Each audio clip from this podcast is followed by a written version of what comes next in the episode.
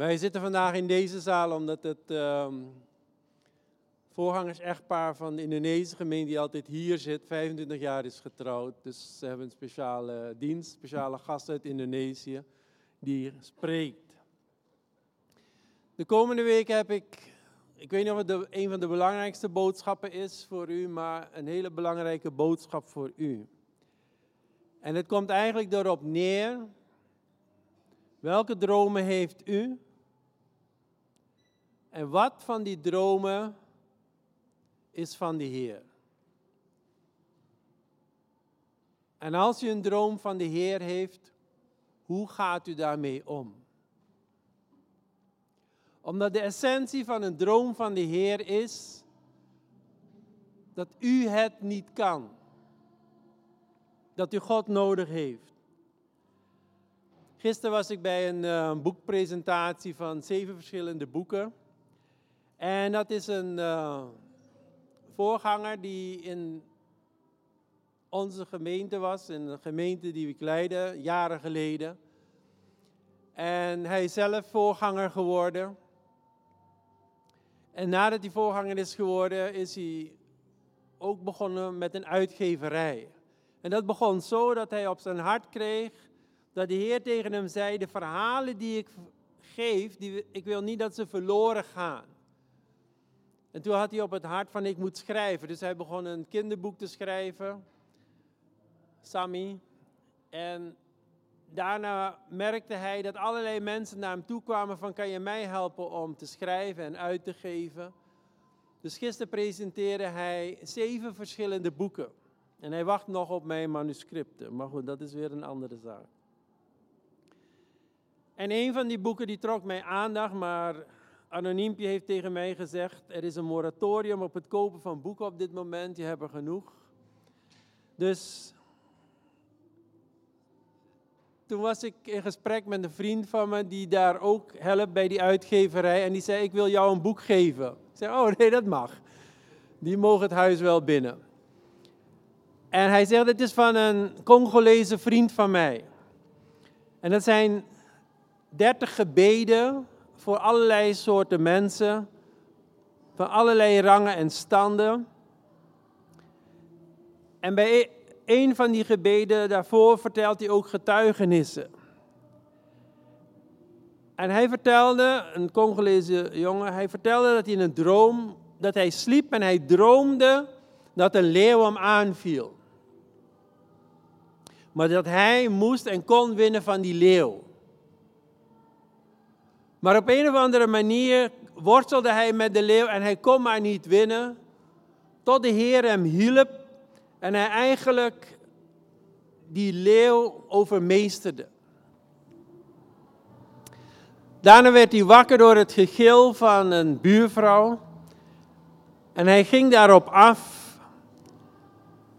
En die vrouw was verder niet christelijk, maar er was een dramatisch iets gebeurd. Haar zoon was net overleden.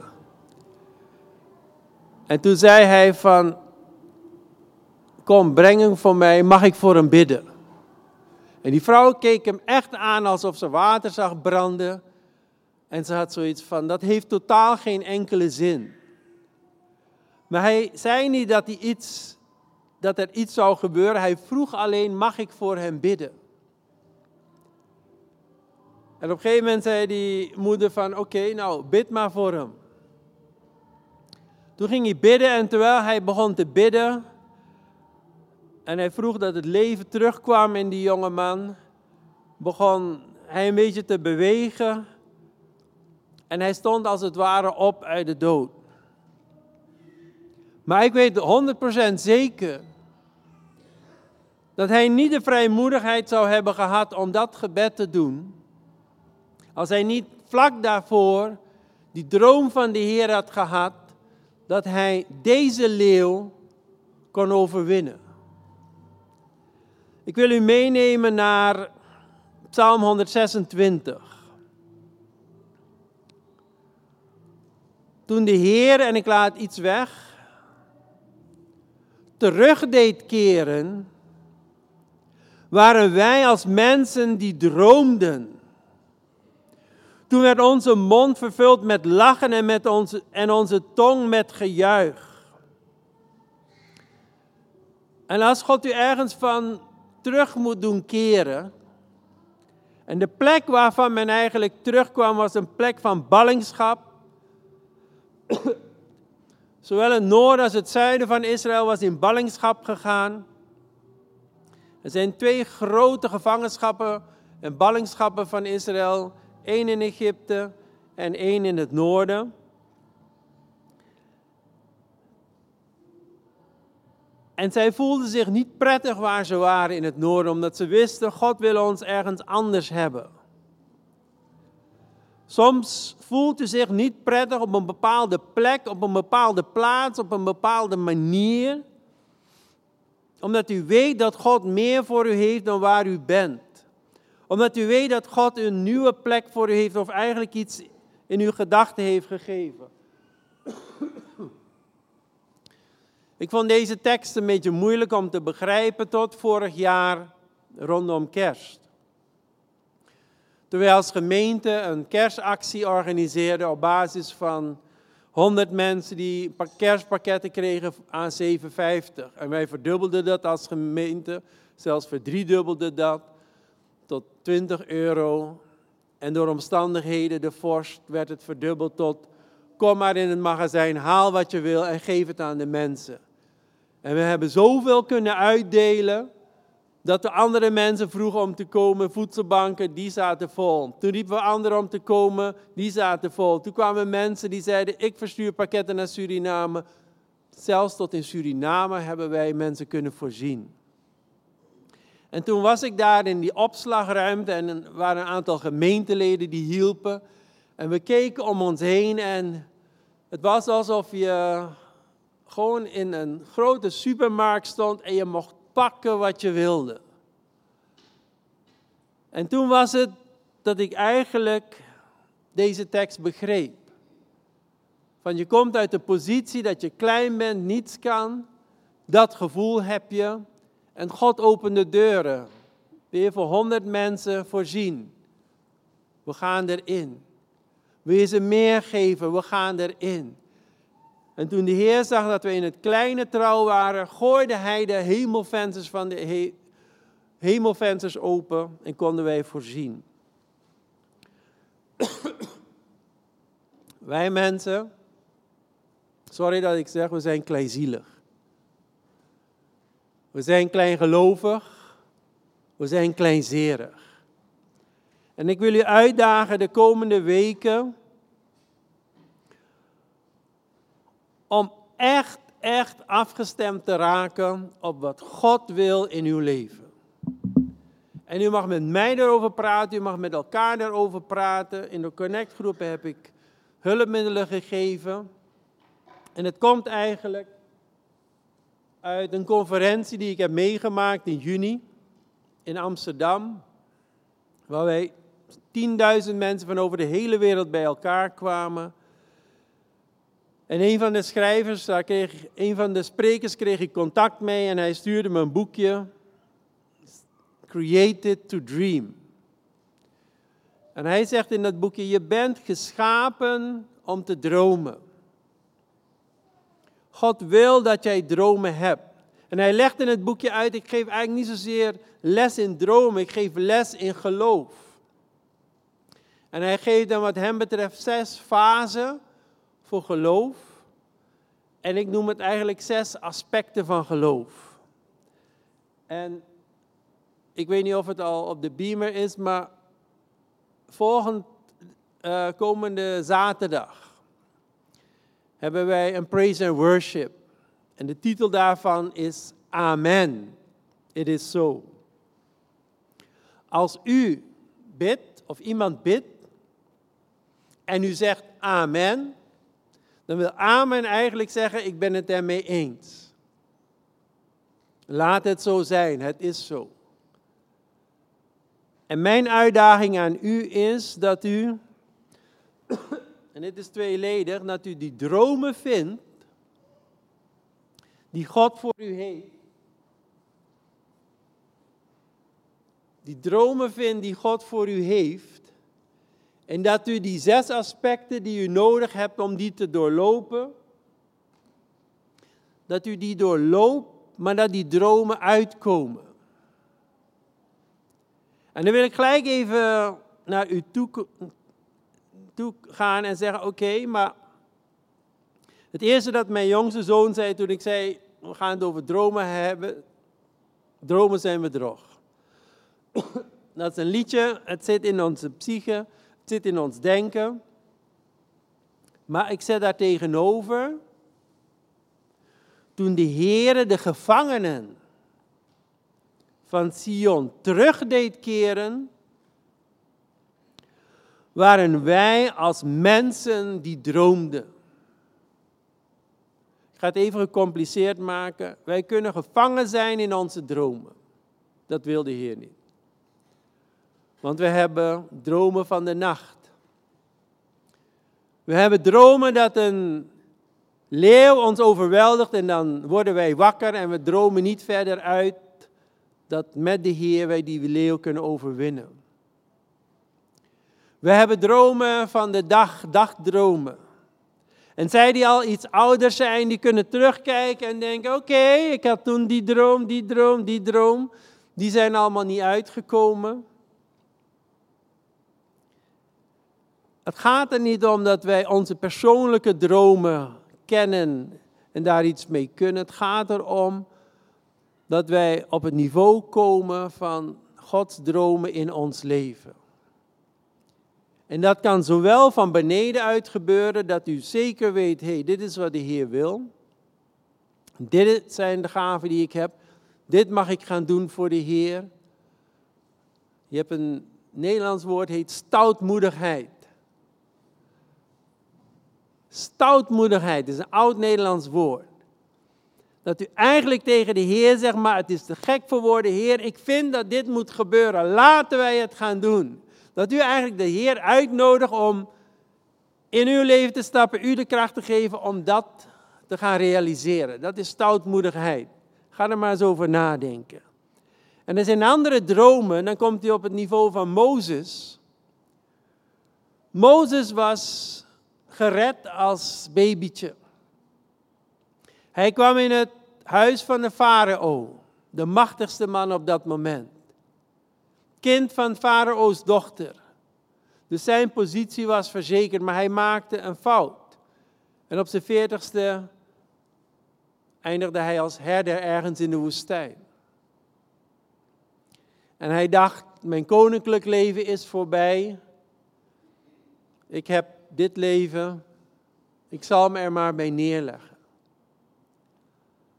En het lastig voor degenen die al tachtig zijn, of nog niet, nog lastiger. Maar op zijn tachtigste riep de Heer Mozes. En de Heer zei tegen Mozes, ik wil dat jij teruggaat naar Egypte en mijn volk daaruit leidt naar het beloofde land. En Mozes had allerlei redenen om te zeggen: nee, nee, nee, nee, nee, ik niet, nee, nee, nee, nee, nee. En dat is het moeilijke met de dromen van de Heer. En die, daar gaat u doorheen gaan. Als u serieus bent met de dromen die God u geeft. U gaat op een moment van nee, nee, nee komen. En die nee's kunnen in allerlei vormen geschieden. Of vanuit uzelf of vanuit anderen. Ik zeg altijd, wees voorzichtig met wie jij de droom die God jou heeft gegeven deelt. Omdat als jij het aan de eerste beste persoon vertelt, kan die best, eerste beste persoon, en die kan je hoog hebben, die kan een droom voor je neersabelen. Nog voordat je iets bent begonnen. En dan komt die eigenlijk tussen jou en de Heer. goed bedoeld misschien om jou te beschermen. Ik weet nog dat ik een keer een droom deelde die ik had. Ehm, ja, iets op mijn hart. En ik deelde het met iemand die ik zeer, zeer, zeer hoog hield. Ik dacht, luister. Nou, hij heeft in twee zinnetjes die droom zo de nek omgedraaid. Dat ik niet verder durfde denken. Totdat ik zag twintig jaar later, dat de Heer iemand anders had geroepen om min of meer exact hetzelfde te doen als wat ik in mijn hoofd had. En die durfden het wel en die deden het wel. Ik ga je de komende weken hiermee bezighouden. Ik lees straks nog even die Psalm 126, maar ik wil even een beeld meegeven.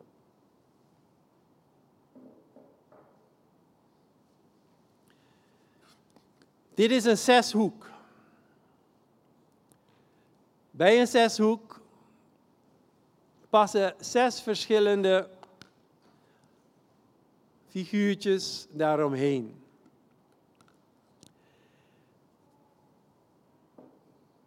Ik ga even met u in gesprek, in conclaaf, als het gaat om dromen.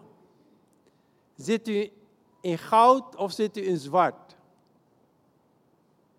Zit u in een zwart gat van dromen zijn bedrog? Zeg niet dat mijn zoon dat denkt, maar u weet wat ik bedoel.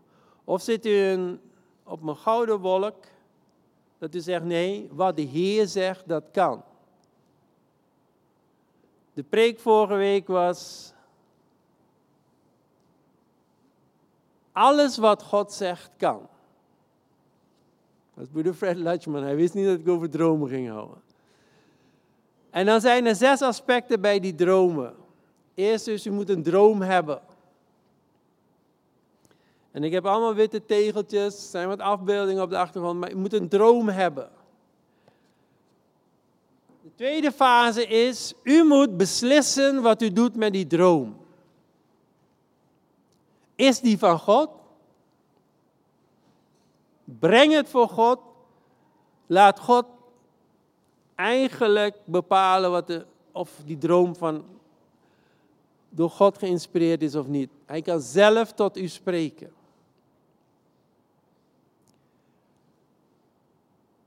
En als die droom van God is, wat zegt u?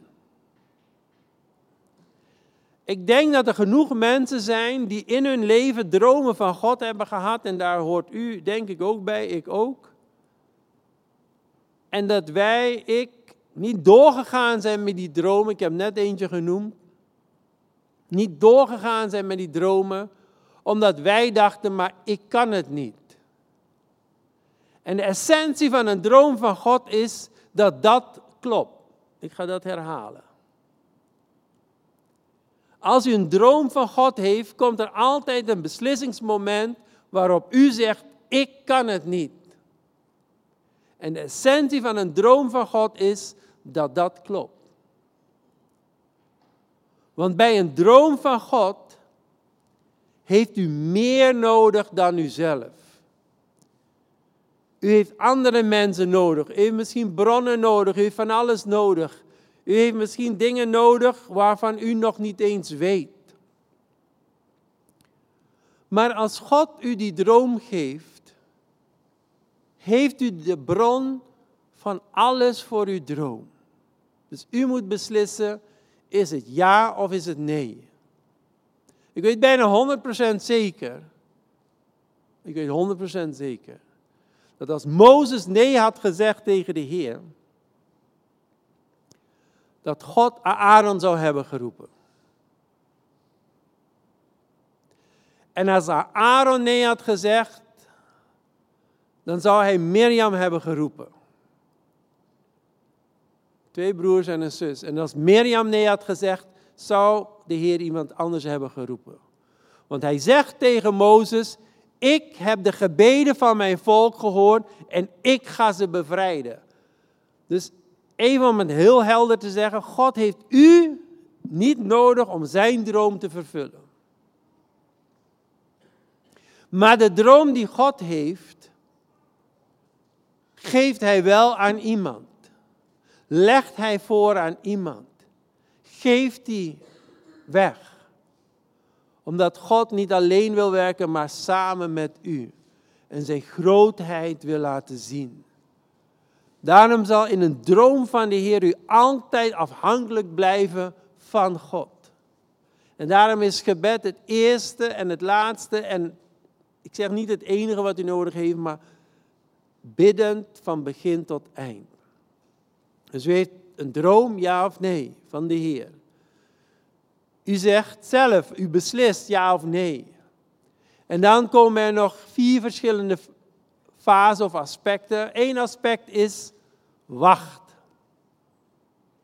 En dat is het allermoeilijkste. Het moment dat je beslist, ik ga ervoor. Het moment dat je beslist, ik ga ervoor, komt er altijd een moment van wachten. Je kan niet door, je mag niet door, je moet wachten. En dan moet in die psalmen duiken, wacht op de Heer. Soms wachten we uit onszelf. Geen idee wat het kan zijn. Luiheid, angst, het maakt helemaal niet uit. Daar moeten we mee dealen. Soms wachten we op iemand anders of wachten we op of informatie of een infrastructuur of financiën of medewerkers of organisatie. We wachten.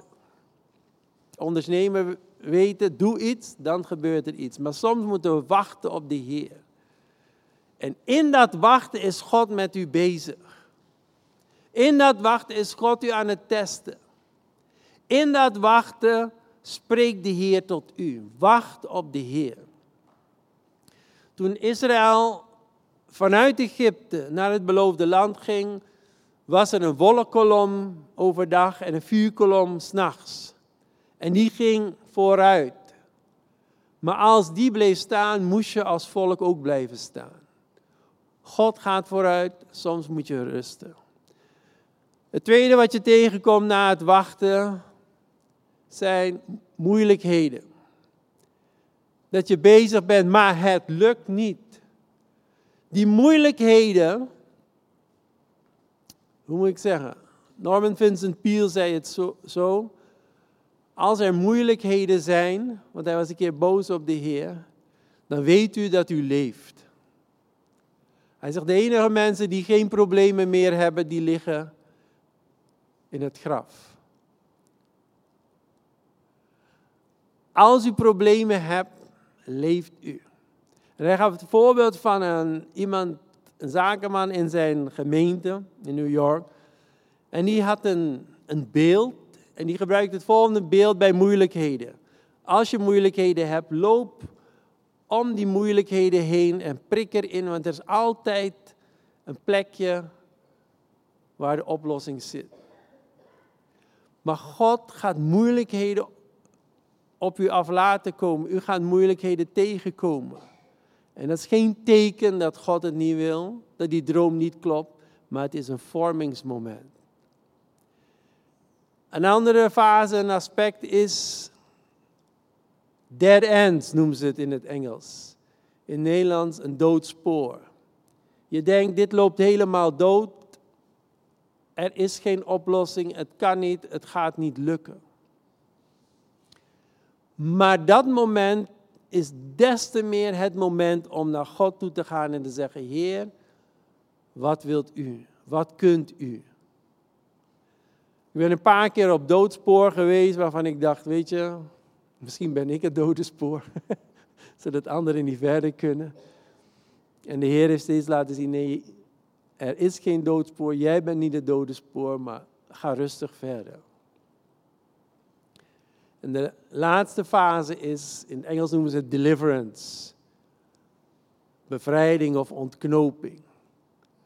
Dat je eigenlijk tegen alle verwachtingen in, tegen de moeilijkheden in, tegen het wachten in, tegen misschien zelfs beter weten in, ja heb gezegd tegen een droom van de Heer.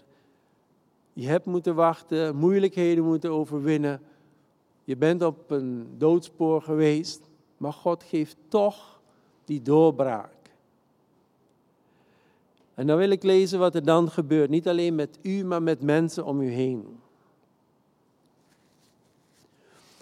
Toen de Heere de gevangenen van Sion terug deed keren, dat betekent dat ze vrij zijn, mogen vertrekken, waren wij als mensen die droomden u kunt gevangen zijn en zeggen, het kan niet verder. Maar de Heer maakt u deze periode vrij. En doet u de volgende stap doen, doet u misschien terugkeren of iets nieuws doen. En u zult zijn als een gemeente die droomt. Toen werd onze mond vervuld met lachen en onze tong met gejuich. En wat staat er dan? Toen zei men, de Heer heeft grote dingen bij hen gedaan. Dus God wil iets doen, u ervaart het en anderen zien het. En dan staat er nog iets anders. En dit is voor een ieder die diep verdrietig is. Misschien juist over dromen en kansen en mogelijkheden die zijn gemist. En dat kan heel diep gaan. Ik durf het niet allemaal te benoemen. Wie met tranen zaaien, zullen met gejuich maaien. Dus in deze twee maanden gaat God u terugbrengen naar momenten dat u heeft gehuild. Dat u heeft tranen vergoten. En die tranen gaat hij laten zien, dat waren druppeltjes die maakten dat het zaad dat daar was, opkwam. Ik weet niet hoe dat gaat gebeuren, maar de Heer gaat tot u spreken. Wie het zaad draagt en dat zaait, gaat al wenend zijn weg. Het is niet makkelijk om als vader, als man of in een bedrijf of in een organisatie of in leiderschap of als kind. Het is soms niet makkelijk en soms bent u in tranen, ook in het werk van de Heer, ook in een relatie, ook in een project dat u bezig bent en u huilt en u laat het niet zien. Mannen, we hebben 24, broeder Jerry, 24, mei, 24 november hebben. Oké. Ik heb nog niet direct een thema moeten even praten, maar ik zou het wel fijn vinden als u eigenlijk een zakje uitdeelt aan alle mannen en zegt, beste mannen, ik wil al jullie tranen daarin zien. En ik wil dat jullie opschrijven waar je voor hebt gehuild. En ik wil dat je opschrijft waar je hebt voor gehuild wat niemand heeft gezien. Ik wil zelf dat je opschrijft waar je niet voor wilde huilen en jezelf vermande.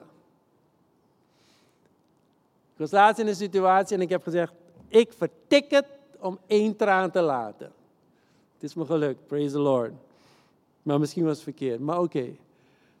Dus broeder Jerry, Misschien kunt u volgende week kleine zakjes uitdelen en zeggen: Broeders, ik wil al uw tranen daarin hebben. Ook als je er niet bent, broeder worship leader.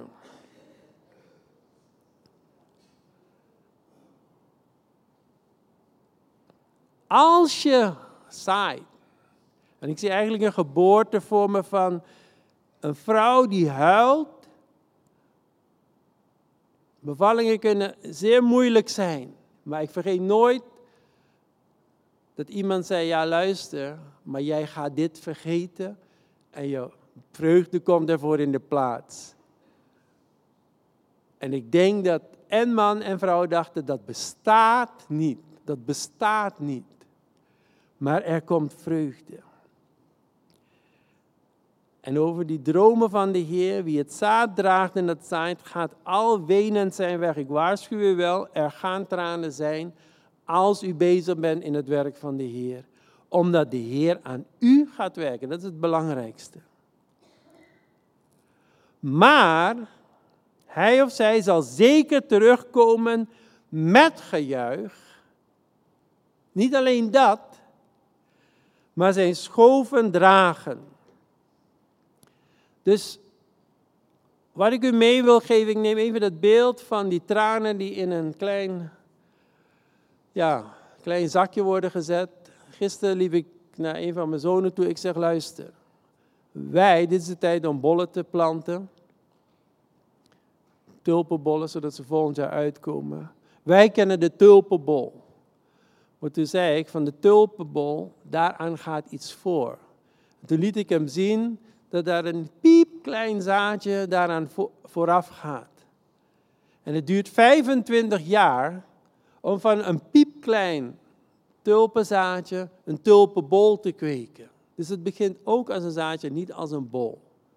Maar de bol is de vermenigvuldigingsfactor en de vermenigvuldigingsvorm. Dus je gaat met iets heel kleins.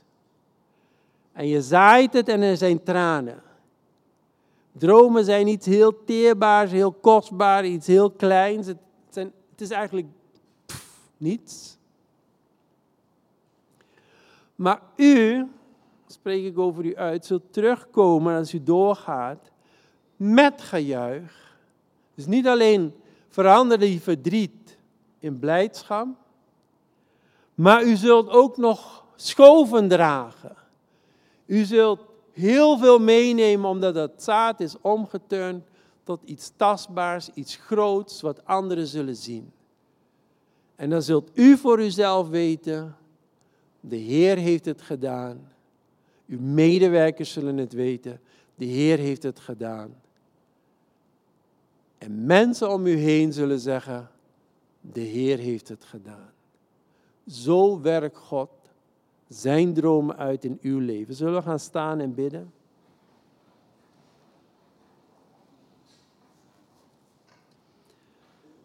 Heer, ik wil in eerste instantie bidden voor die lieve, kostbare, kleine kinderen die hier net stonden. Wij als ouders, wij als gemeente hebben dromen voor hun leven. Maar wij willen ze daar niet mee opzadelen. En toch dringen die dromen zich aan ons op.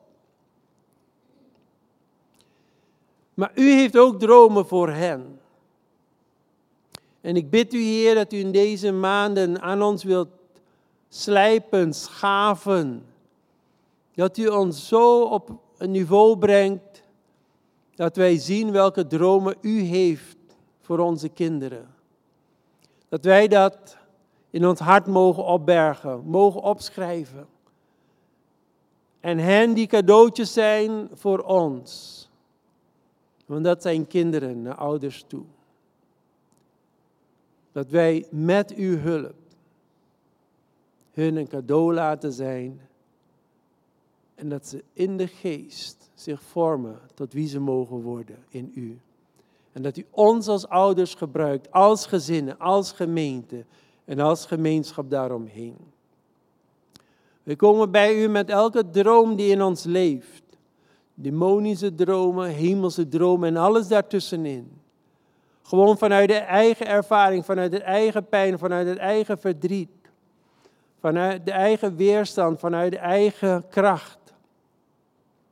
En we bidden dat u met uw Heilige Geest neernaalt over dat hele spectrum dat in ons leeft vanaf dag één in de moederschoot. Ook de dromen van de moeder. Heer, en wij bidden dat u bezig gaat om ons te reinigen, te heiligen. Om elke droom, Heer, die is afgeketst, die niet is geworden wat, het, wat wij ervan dachten. Dat we die met tranen aan u geven. En weten, Heer, dat juist die tranen iets nieuws zullen voortbrengen. En dat wij geestelijk opengaan voor wat u door een ieder van ons wil doen. En met ons wil doen. En door ons heen wil doen. Gaat u aan het werk, Heilige Geest. Op een hele bijzondere manier in deze periode. Dat wij mogen zien dat vanuit tranen er vreugde komt. Dat vanuit het niets iets komt. Door uw wil, door uw kracht door uw leiding in Jezus' naam. Amen.